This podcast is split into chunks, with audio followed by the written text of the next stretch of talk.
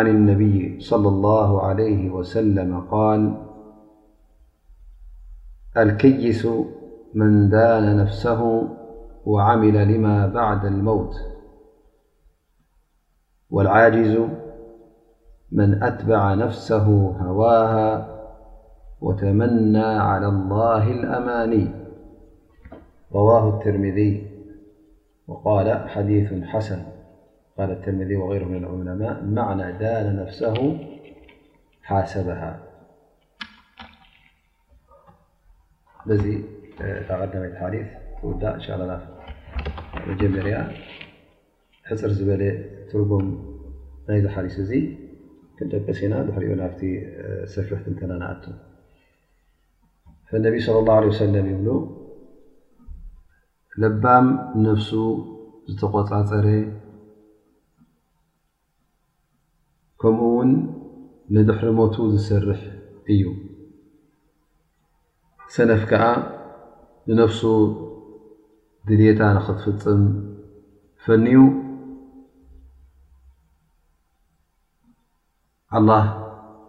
ከምዝን ከምዝን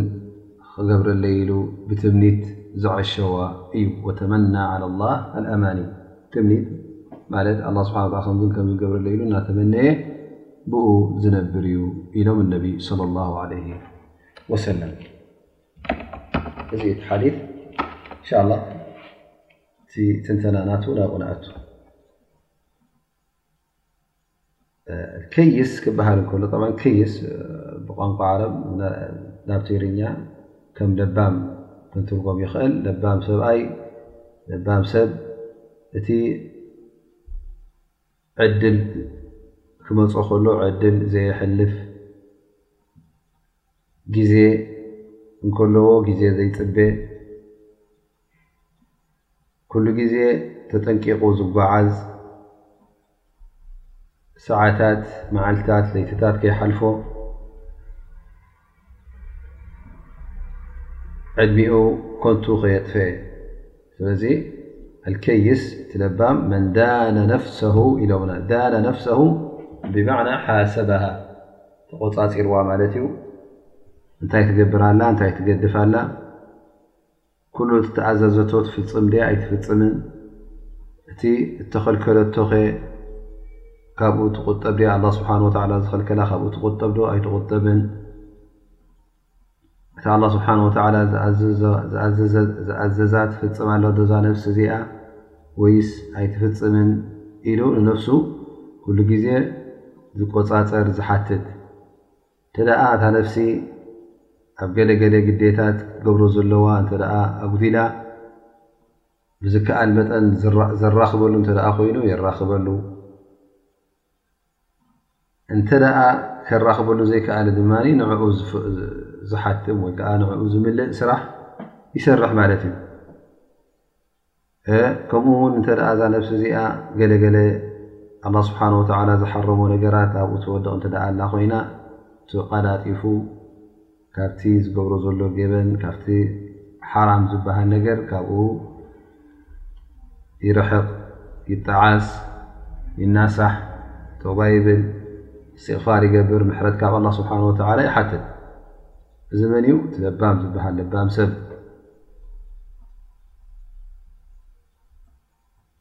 ወዓሚላ ሊማ ባዕዳ ሞውት ማለት ዝሰርሖ ድማ ንምንታይ እዩ ዝሰርሖ ንሊማ ባዕዳ ሞውት ንድሕሪ ሞት ዝመፅእ ህየት ንዕኡ ዝሰርሕ ናይ ዮም ቅያማ ናይ ኣራ ተግባራት ዝፍፅም እዙ ከዓቲ ልባም ከብለካ ዝኽእል ምኽንያቱ እዛ ኣዱንያ እዚኣ ትፈልጣ ኢኻ ዕድሚኣ ሓፂር ከም ምዃኑ ደስታ ናታን ፍስሃ ናታን ውን ቁፁር እዩ ውሱን እዩ ናይ ኣኼራ ፍስሃን ደስታን ግን ደረት የብሉን ስለዚ ነዛ ደረት ዘለዋ መወዳእታ ዘለዋ ኣዱንያ በታ ናይ ደረት ዘይብላ ደስታን ሰዓዳን ብኣ ኣይትልውጣን ኢኻ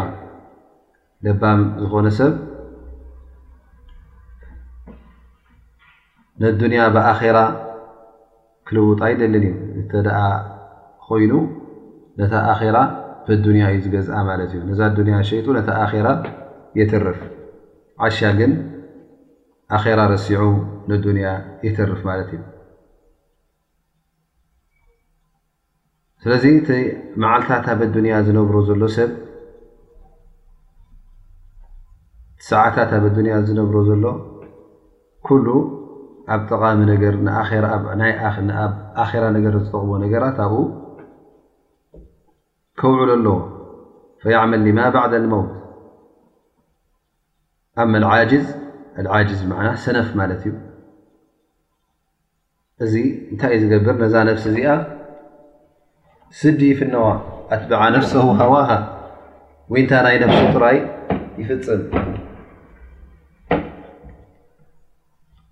ጥራይ ብዱንያ ይዕሾ ማለት እዩ እታ ነፍሲ ድማ ህክይቲ ስለ ዝኾነት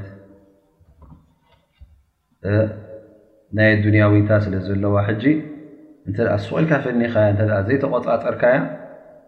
ትእዛዝ ኣላ ስብሓን ወተላ ትገብር ኣላ ትገብር የላን ትጋገላዶ ትጋገ የላን ኢልካ እተ ዘይትቆፃፀራ ኮንካ ልጓም እተ ዘይትገብረላ ኮንካ እዚ ዕሽነት እዚ ከዓ ስንፈት እዩ ዝበሃል እዚ እናገበረ ከሎ ድማ እንታይ እዩ ዝብል የተመና ዓላ ላ ኣማኒ ሓደ ሰብ ኣለዉካ ሕጂ ብዙሓት ሰባት ክጋገዩ ተሪካዮ ኣታ ነሲሓ ሂብካዮ እተ መኪርካዮ ኣላ ወፉር ራሒም ይብለካ እዚ ሕጂ እዚኦም እዮም ቶም ነቢ صለ ላ ለ ወሰለም ኣብዚ ሓዲስ እዚ ጠቒስዎም ዘሎ ዞም ሰነፋት ዝበሃሉ ዘለዉ የተመና ዓላ ላ ኣማኒ ኣላ ፉሩ ራሒም ይብለካ ኣብ ክንዲ ንነፍሱ ዝቆፃፀር ንነፍሱ መገዲ ዘትሕዝ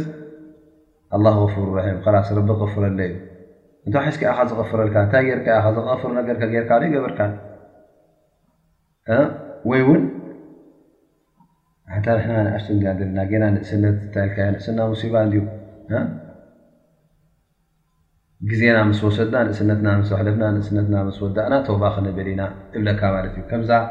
ታሞት ኣብ ኢዱ ዘላ ዮም ቅያማ ከምዛ ኣብ ኢዱ ዘላ ከምኡ እብለካ ማለት እዩ ሕራይ እንሻ ላ ተባ ክንብል ኢና እዛ ንእስነት እያ ዕሽያትና ቅሩብ እንበረይ እናበለ ወይ ነብሱ ይዐሹ ወይ እውን ንሰካልኦት ሰባት እውን ይዐሹ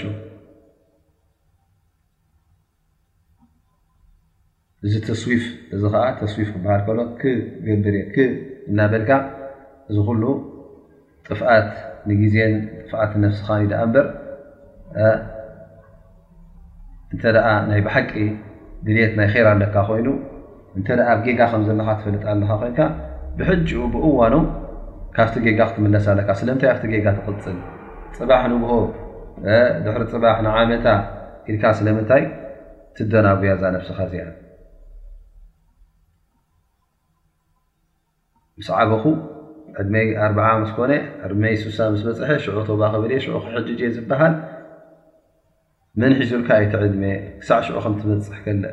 እንታይ ትሕጃ ኣለካ እንታይ ጭብጢ ኣለካ ኢዘን እዚ ትምኒት እዚ ናይ ሸይጣን ትምኒት ወይ ከዓ ሸይጣን ዘምህረካ ዘሎ ናብኡ ዝደፋፍኣካ ዘሎ እዩ ደኣ እምበር እዚ ነገር እዚ ሓቂ ይኮን ስለዚ እዚ ሓዲስ እዚ ነቢ ስለ ላ ለ ወሰለም ዝጠቀስዎ ሓዲስ እንታይ ዝብለና ዘሎ ማለት እዩ ዕድል ከለካ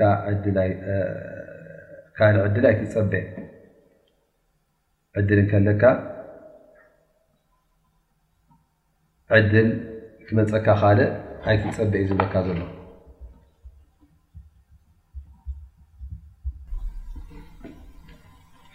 ከምቲ ዝበልናዮ እዚ ሓዲስ እዚ ነቢ صለ ላ ለ ሰለ ዝተቕስዎ ሓዲ ሓዲ ኣልከይስ መንዳነ ነፍሰ ዓሚላ ሊማ ባዕድ ሞውት እዚ ሓዲስ እዚ ናብ ምንታይ እዩ ዝደፋፍኣና ማለት እዩ? ዕድል ከለካ ካልእ ዕድል ንኸይትፅበ፣ ዝመፀካ ዕድል ቀልጢፍካ ክትጥቀመሉ ከምዘለካ፣ ዕድልካ ኣይተሕልፍ፣ ግዜኻ ንኸይተጥፍእ ኩሉ እቲ ግዜኻ ኣብቲ ረቢ ዝፈትዎ ክኸውን ኣብቲ ረቢ ዝፈትዎ ክተጥፍኦ ኣለካ ደኣ እምበር ብትህኪት ብሸለልትነት ሕጂ እውን ኣቋሪፁ ምሽክለ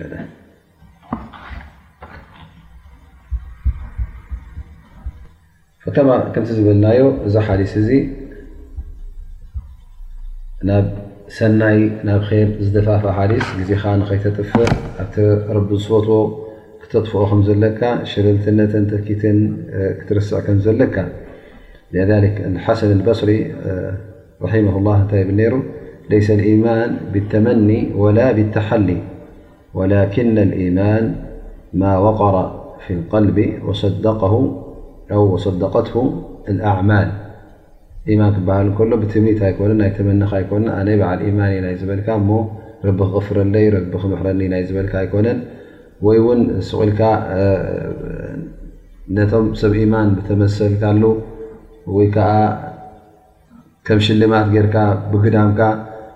በዓል ር በዓል ሰናይ በዓል ማን ናይ ዝመስልካ ኣይኮነን እነማ ማን ማ ወቀረ ፊ ልቀልብ መጀመርያ ኣብ ልብኻ ዝተሰቆረካ ክኸውን ኣለዎ ኣብበኻ ተሰረፀ ክኸውን ኣለዎ ድሕሪኡ ውን እቲ ኣብ ልቢ ዘለዎ ማን ኣብ ተግባር ኣብ ቃልካ ክረአ ከሎ እዙ ቲ ብሓቂ ኢማን ዝበሃል ስለዚ ክቡራት ኣሕዋት እቲ ዕድል ከለናስ ካልእ ዕድል ክንፅበ የብልናን ነቲ ዕድልና ክንጥቀመሉ ኣለና ናብ ጎይታና ናብ ኣላ ስብሓን ወተላ ዘቀራርብ ስራሓት ክንሰርሕ ኣለና ትእዛዛት ኣላ ስብሓን ወተላ ኩሉ ክንፍፅም ተኸልከለና ካብኡ ክንቁጠብ ኣለና ማለት እዩ ስለዚ ብዝከኣለና መጠንሲ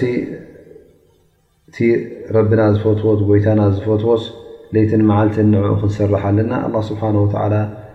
ውን ክድግፈናን ክሕግዘናን ኩሉ እቲ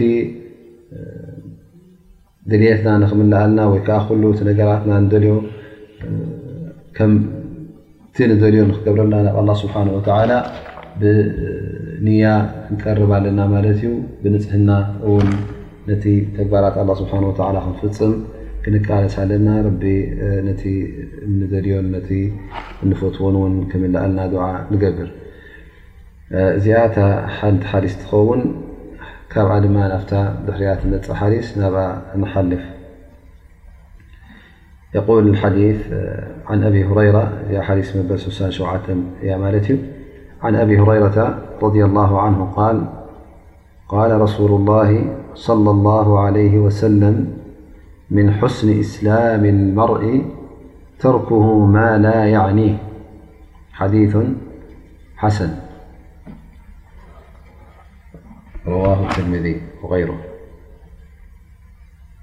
ምን ሑስኒ እስላም መርእ ተርኩሁ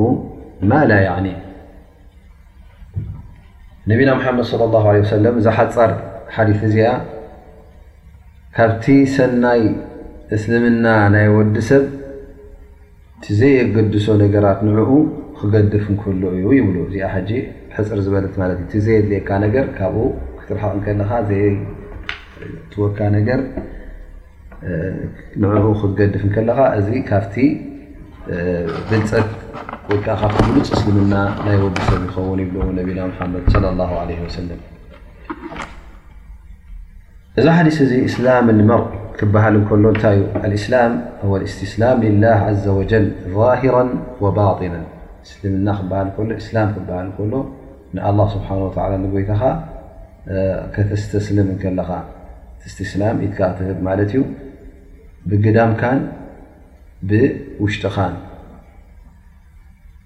ብግዳምካን ብውሽጥኻን ብውሽጥኻ ክበሃል እንታይ እዩ ማለት እቲ ጉዳይ ናይ ኢማን ማለት እዩ እቲ ዓቂዳ ናካ ንኡ ከተመዓራሪ ንኡ መገዲ ከተትሕዞ ከለኻ ናይ ልብኻ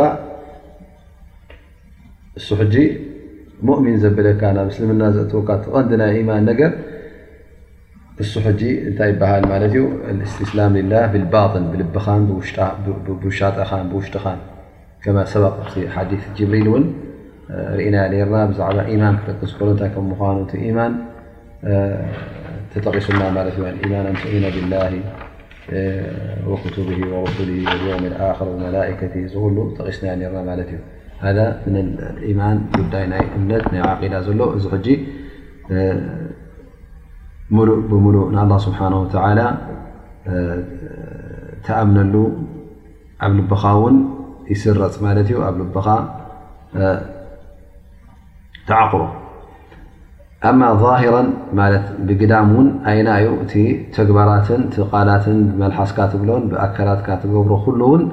ምስቲ ናይ እስልምና መምርሒ ምስቲ ሽርዒ እስልምና ክጓዓዝ እንከሎ ደቂ ሰብ ድማ ኣብቲ እስልምና ኩሎም ወላ ኣስላም እናበልካዮም ከለኻ ኣብቲ እስልምናኦም ገሊኦም ማሻ ኣላ ናብ ምሉእነት ገፆም ክጓዓዙ ትረኽቦም ገሊኦም ከዓ ካልእ ዓይነት ተግባራት ክፍፅሙ ማለት ጉድለታት ክገብሩ ትሪኦም። ምስቶም ቀዲሞምም ዘለዉ ኣብ ገለገለ ዝራኸቡ ግን ካብኦም ሰኒፎም ገለገለ ዘጉደሉ እውን ኣይትስእልን ኢኻ ማለት እዩ። ስለዚ ከምቲ ሰባት ኣብ መልክዖም፣ ቁመቶም፣ ሕፅሮም፣ ኣብ ምግጃፎም ኣብ ካልእ ነገራት ኣብ መልክዖም ዝፈላለዩ ውን እዚ ሕጂ እንታይ እክትላፍ ظህር ይበሃል ማለት እዩ ናይ ግዳም ሕጂ ሰብ ብግዳሙ ክትሪኦ ከለኻ ሰብ ክንሱ ግን ሓደ ነዊሕ ሓደ ሓፂር ሓደ ረጒድ ሓደ ቀጢን ሓደ ቀይሕ ሓደ ፀሊም ሓደ ከምዚ ይኸውን ማለት እዩ ሕጂ እዚ ብግዳሞም ተፈላለዮም ግን ኩሎም ደቂ ኣዳም እዮም ሰብ እዮም لذلك ኣብቲ እስልምና ውን ሰባት ገሊኦም ኣብቲ እስልምናኦም ክትሪኦም ከለኻ ነቲ እስልምና ቀጥ ኣቢሎም ሒዞም ነቲ እስልምና ብቐጥታ ተመሪሖም ገለ ከየጉደሉ ገለ ከይጎድሎም ተጠንቂቖም ዝኸዱ ኣለዉ። ገሊኦም ድማ ምክን ማእከላይ ጉዕዞ ዝጓዓዙ ገለገለ የጉድሉ ገለገለ ዝመልኡ ገሊኦም ድማ ብዙሕ ዘጉደሉን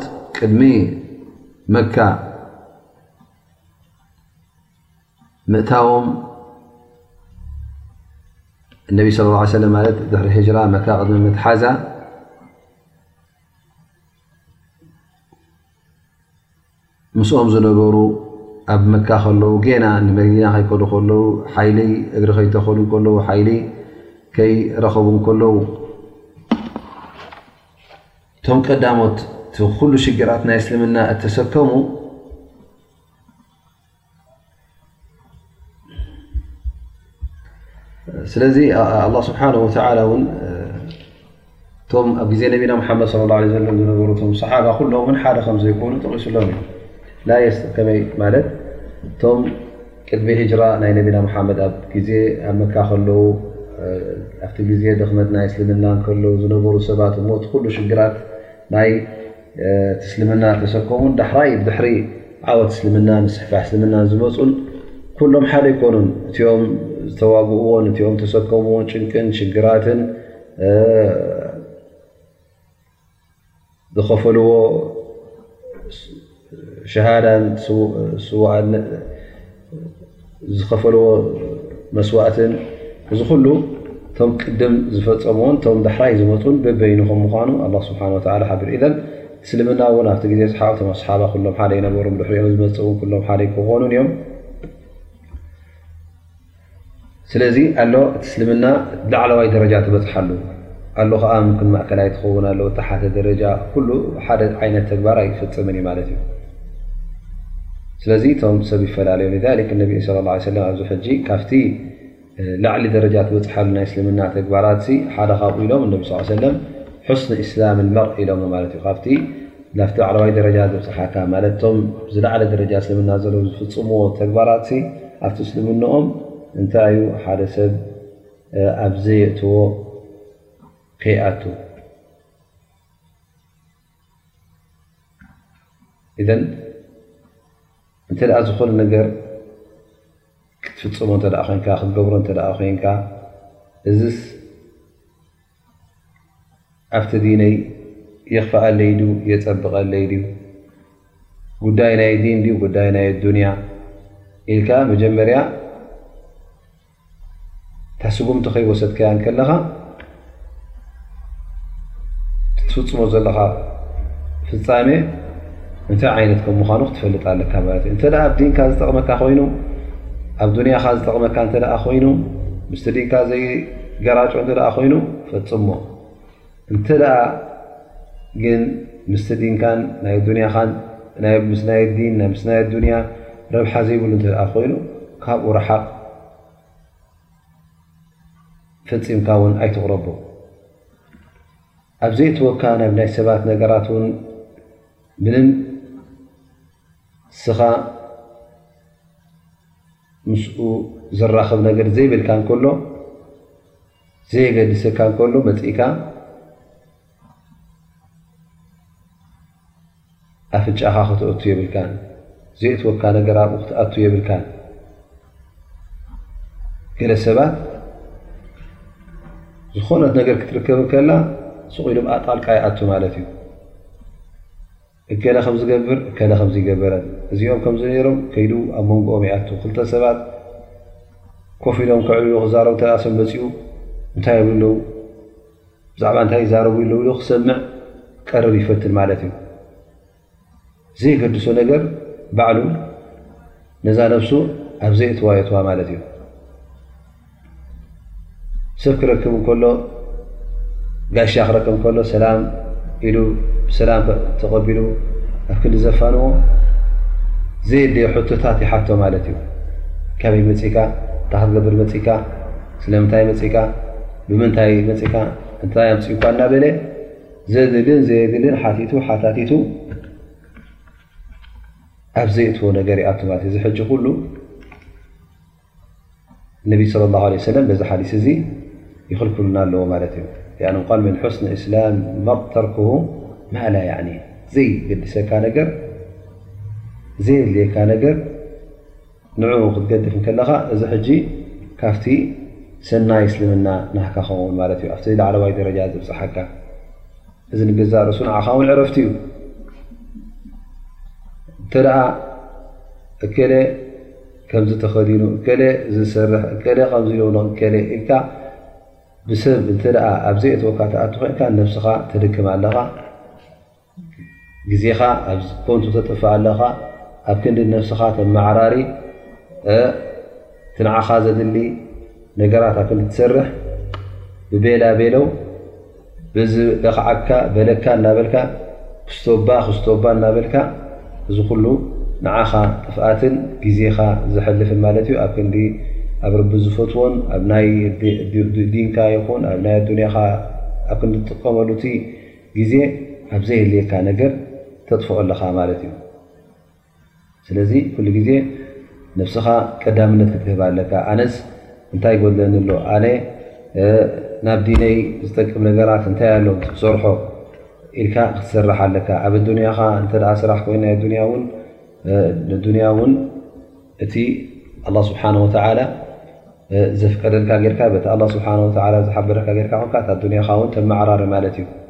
ግን ኣብ ዘየድልየካ ሱቕ ኢልካ ጣልቃ ክትኣቱ እንተድኣ ኮይንካ ካብቲ ኣደብ ናይ እስልምና ካብቲ ስነ ስርዓት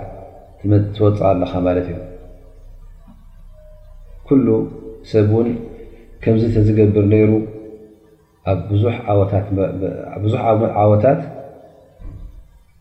መመዝገበ ነይሩ። ንነብሱ ዘዐሪ ተዝኸውን ኩሉ እቲ ኣብ ጌጋ ክወድቕ እንከሎ ንነብሱ ዘዐሪ ነብሱ ትጋገላ ትጋገዘላ ንነብሱ ዝቆጻጸር እንተ ኮይኑ ንኻልእ ሰብ ምቁጽጻር ገዲፉ ኩሉ በብነብሱ ተገዲሱ ንነብሱ ከዐሪ ዝግደስ ነይሩ ተዝኸውን ኩሉ ምተዓረየ ነይሩ ላኪን እቲ ኣኻ ትረኽቡት ሰብ ነብሱ ገዲፉ ኣበይ ጌጋ ከም ዘሎ ከይረኣየ እትን እትን ንኽብል ኣብ ነብሱ ኣየዕረየ ነቲኦም ውን ኣየዕረየውን ማለት እዩ ሱቕ ኢልካ ኣብ ዘእትዎ ክኣቱ እተዘይኮይኑ ክዕሪ እውን ኢሉ ኣይኮነን ዝኣት ንኣብነት ተ ሓደ ሰብ ሕማቕ ሪኡ ጌጋ ሪኡ ገበር ሪኡ ነቲ ገበን ነቲ ጌጋ ክዕሪ ኢሉ ሙንከር ኢሉ ነቲ ሙንከር ክዕሪ ኢሉ በቲ ሸሪዓዊ መንገዲ ተዝብገስ ነይሩ እዚ ፅቡቕ እዩ ምኽንያቱ የዐሪ እዩ ዘሎ ደኣ እምበር ሱቕ ኢሉ ንኽሰምዕ ወረ ንኸመሓላልፍ ከምዝባ ኢሎም ከምዝባ ተባሂሉ ኢሉ ንዕላልን ንምትዕላልን እንተዘይኮይኑ ንምዕራይ ኢሉ እንተ ተበጊሱ እዚ ፅቡቕ እዩ። እዚ ኣየእትዎን እዩ ኣይበሃልን እዩ። ምኽንያቱ ሙንከር ክትርኢ ከለኻ ጌጋ ክትርኢ ከለኻ ነቲ ጌጋ ተዕርዮ ውልደት ክርከብ እንከሎ ነቲ ብውልደት ንክምላእ በቲ ስነ ስርዓት ዘለዎ ኣገባብ ጌርካ ሸሪዓዊ መገዲ ጌርካ ተዕርዮ ማለት እዩ እዚ እውን ንዓኻ ጠቕመካ ምክንያቱ ኣላ ስብሓን ወተላ ሙንከር ክትርኢ ከለካ ሙንከር ክትብል ፅቡቕ ክትርኢ ከለካ ነቲ ፅቡቕ ድማ ፅቡቕ ዩ ንክትብል ናብ ፅቡቕ ንክትመርሕ እዚ ናይ ዳዕዋ ነገር ስለ ዝኾነ እዚ መገዱ ዝሓዘ እዩ ላኪን እቲ ኣብዚ ሓዲስ እዚ ተጠቂሱ ዘሎ ማ ላ ያዕኒህ ክብለና ከሎ ነቢ ስ ላ ሰለም ክብልና ከለዉ ማለት ምንም ፋኢዳ ዘይብልካ ናይ ዲን ፋኢዳ ዘይብሉ ወላ ናይ ዱንያ ፋኢዳ ዘይብሉ ወላ ሓንቲ ከፍሪ ዘይኽእል እማ እንተ ፍሪ ኣለዎ እዚ ካልእ ነገር እዩ ስለዚ ልብኻን ዓቕልኻን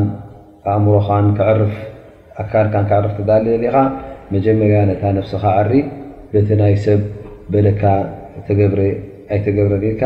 ኣብኡ ግዜኻ ኣይተጥፍእ እዚ ሕጂ እዚኣ ሓሊስ እዚኣ ከምዛ ዝረኣናያ ሓጻር ሓዲስ እያ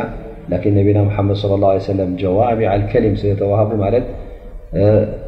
ብሓንቲ ቃል ብሓሙሽተ ቃል ብሰለስተ ቃልሲ ብዙሕ ትርጉም ዝሕዝ ብዙሕ ወረቃቅቲ ዝፅሓፍ ብዙሕ ቃላት ዝትንትን ክልተ ሰለስተ ቃላት ተዛሪቦም ነቲ ጉዳይ ይዓፅዎ ነይሮም ማለት እዩ። ስለዚ ከምቲ ኣብቲ ዝሓለፈ ሓዲት እውን ኣልከይስ መን ዳነ ነፍሰሁ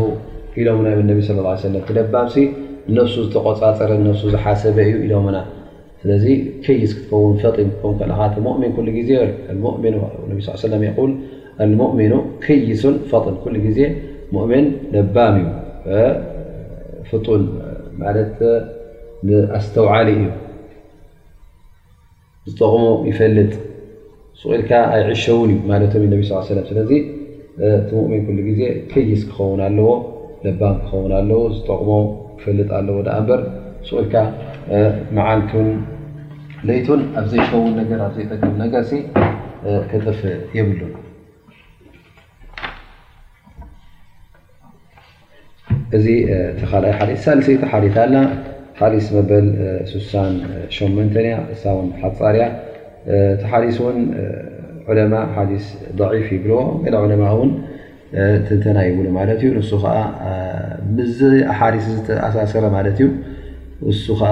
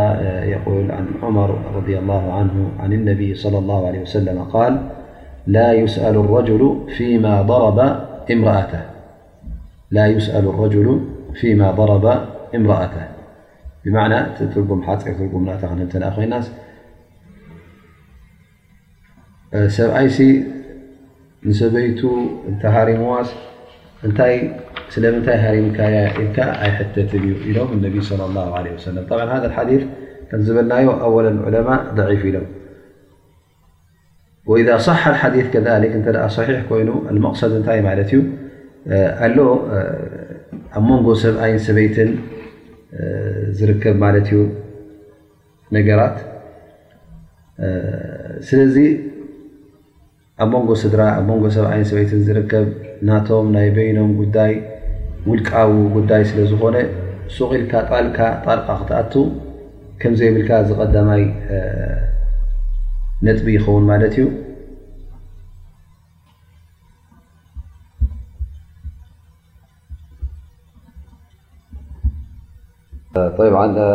ኣብቲ ሳልሳይ ሓዲስ ናይ ሎማዓንቲ ኣቲና ማለት እዩ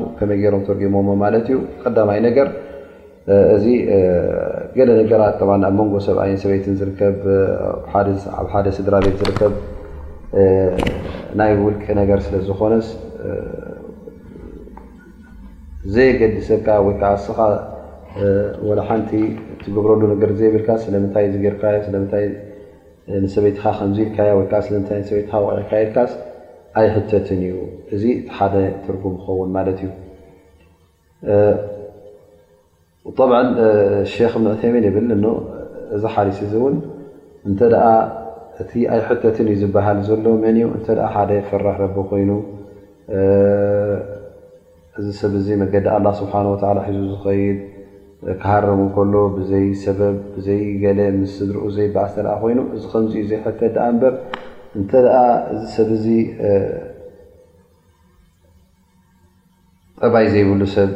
እንተ ኮይኑ ሱቕ ኢልካ ዝዋቓዕ እንተ ኮይኑ ሰይእ ኣልዕሽራ ማለት ምስ ስድራ ቤቱ ፅቡቕ ኣነባብራ ዘይነብር እንተ ኮይኑ እዚ ሰብ እዚ ክሕተት ኣለዎ፡፡ እንተ ደኣ ዓሚፅዋ ኮይኑ እውን